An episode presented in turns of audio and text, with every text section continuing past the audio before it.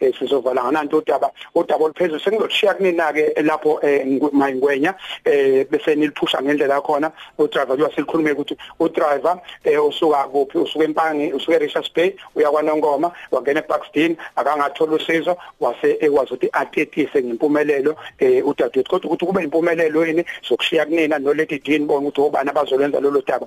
Kodwa nje enguthandayo ubaba uBoyzondo sefonile ikhona into enhla bamhlelela yona umfana ujabule kakhulu. uJeffrey uJeffrey Ngobese uphethe training kwaSantaco balapha esigungweni esiphezulu. Eh sebeyabona ukuthi iziphi izinto afuna bezenze embonini ezithinta lona. Lolu sizo nje lokuqala ukuthi bekwazi nabo kubelethisa kufanele bechumane kahle no health bekwazi ukuthi bebalethele lezi zifundo ba kuyabonakala ukuthi ingane zami kukhona ozingakwenza. Eh siyabonga kakhulu ubaba Poison epresident eh la KZN yani eSantaco naye usephosile eh, igama eliqogozela lo yamfana into ayenzile. Akekho beyubonda sizovala lapho kophasi. Mayingwenya of mine? Mayingwenya. Simtholile ke eh unhlonipho Zulu. Siyabonga kakhulu ngwenya ukuthi ukwazi ukuthi sixhumanise naye. Kuyajabulisa ke ukuzwa ukuthina babemboni sebevele bathi hayibo yazi into into enziwa umfana. Sibonga kakhulu ukuthi ukwazi ukuthi ube ingcenye ukuthi kuhleleke lo umsebenzi lo. Ngizolalela emsakazweni kwashabalalile mayingwenya. Eh nhlonipho? Yebo sisi buti kunjani? Ngiyaphila. Eh iya awusilandise. Yazi mina ngikuthola kulukhuni ukuthi ube nesibindi esingaka. Kwenzekeni izolo busuku eh bengihamba nofisi oyithwele eh isimo sakhe uthi besi right ngaleso sikhathi kodwa ingeleni sosemshintshela ehe. Eh masimshintshela wabuza ukuthi ayikho iclinic eseduzane ngoba sekukude. Ehe. Eh wangiyalela umyisi sobekhona emotweni bese besele bebabili ukuthi khona iclinic eseBuxton yavula ebusuku.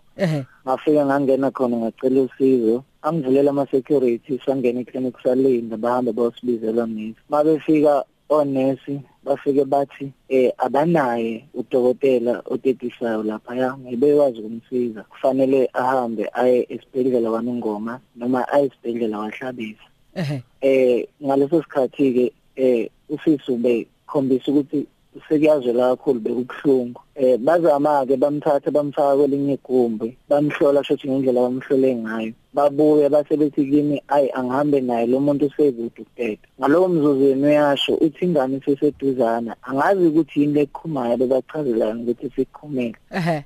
Abatshela ukuthi ngicela ukuthi nimlizele iambulance ngoba bona bayazi ukuthi yini abangayenza ngayo endleleni. Mhm. Uma ngabe eba nenkinga ngoba mina ngeke ngize ngikwazi ukumsiza uma eba nenkinga endleleni. Mhm.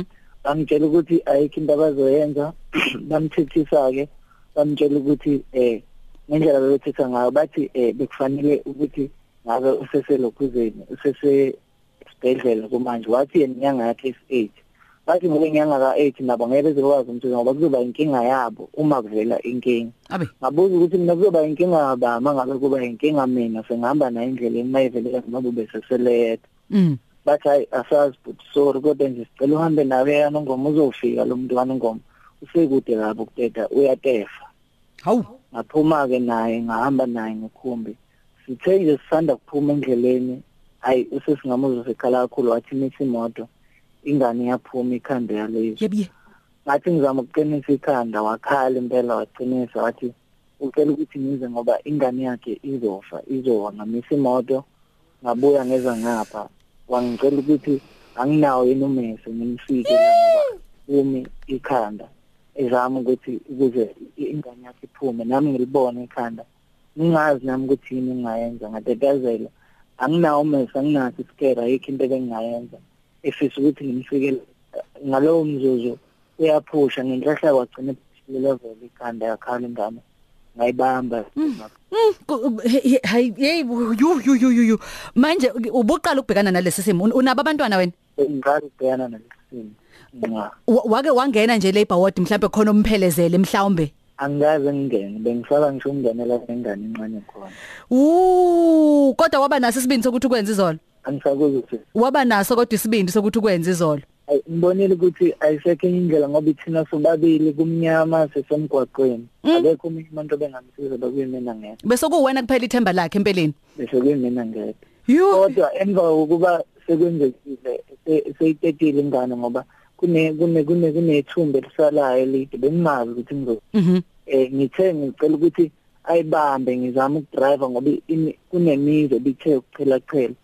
Mm driver ngafike na- na- ngangena komunye umuzi ngacela usizo khona bamnqamulake bamnikeza iblanket wasingane yakhe ukuze sikwazi ukuthi ngimhambise ngafika naye esibhedlela wanongoma Mm, mm, bhuti wami uya- uyayibona uyabona ukuthi ubukhulu bento oyenzile nobuqhawe. I- ngiyabona sisi Hayibo, hayibo, hayibo. Ma- Mana ke igama i- ingane kuba umfana noma intombazane. Ubonile noma kuba umfana.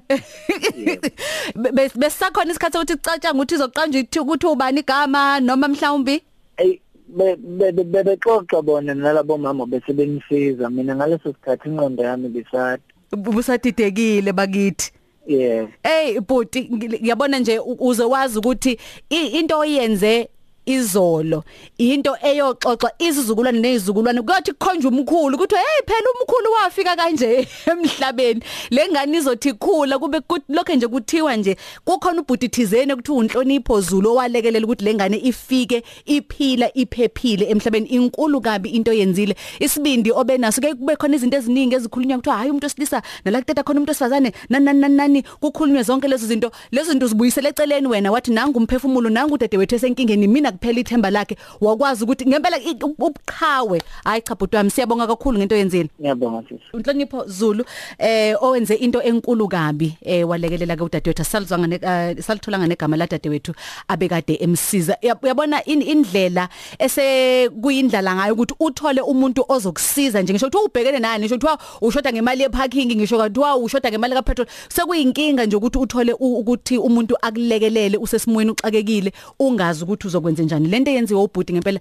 eh, sishayela izandla sibonge nak- nakuyona ke imboni njengoba de esilandisa umsweli ukuthi nabemboni sebethe nabo bazosukuma bakwazi ukuthi eh, bamhloniphe ngendlela bazomhlonipha ngayo ngesenzo sakhe. Esihle ngiyacabanga ukuthi lokhu kuzosikhuthaza sonke ukuthi ungathi ha! Ye hayibo bebekuphi abantu bakubi bibi kuphi indoda yakhe ezahambe yedwa eTexini nalo dade wethu okwazile ukuthi athi yazi ukuthini but iclinic engiyazi iseduza nasihambe sendaweni ethile. Zonke lezo zinto kuhlengeke umphefumulo lengane yakwazi ukuthi ifike iphephile emhlabeni. Akube isifundo kuthina sonke ukuthi uma ukwazi ukuthi ulekelele ungathi we ha wayeyedwa ngangikuphi mina?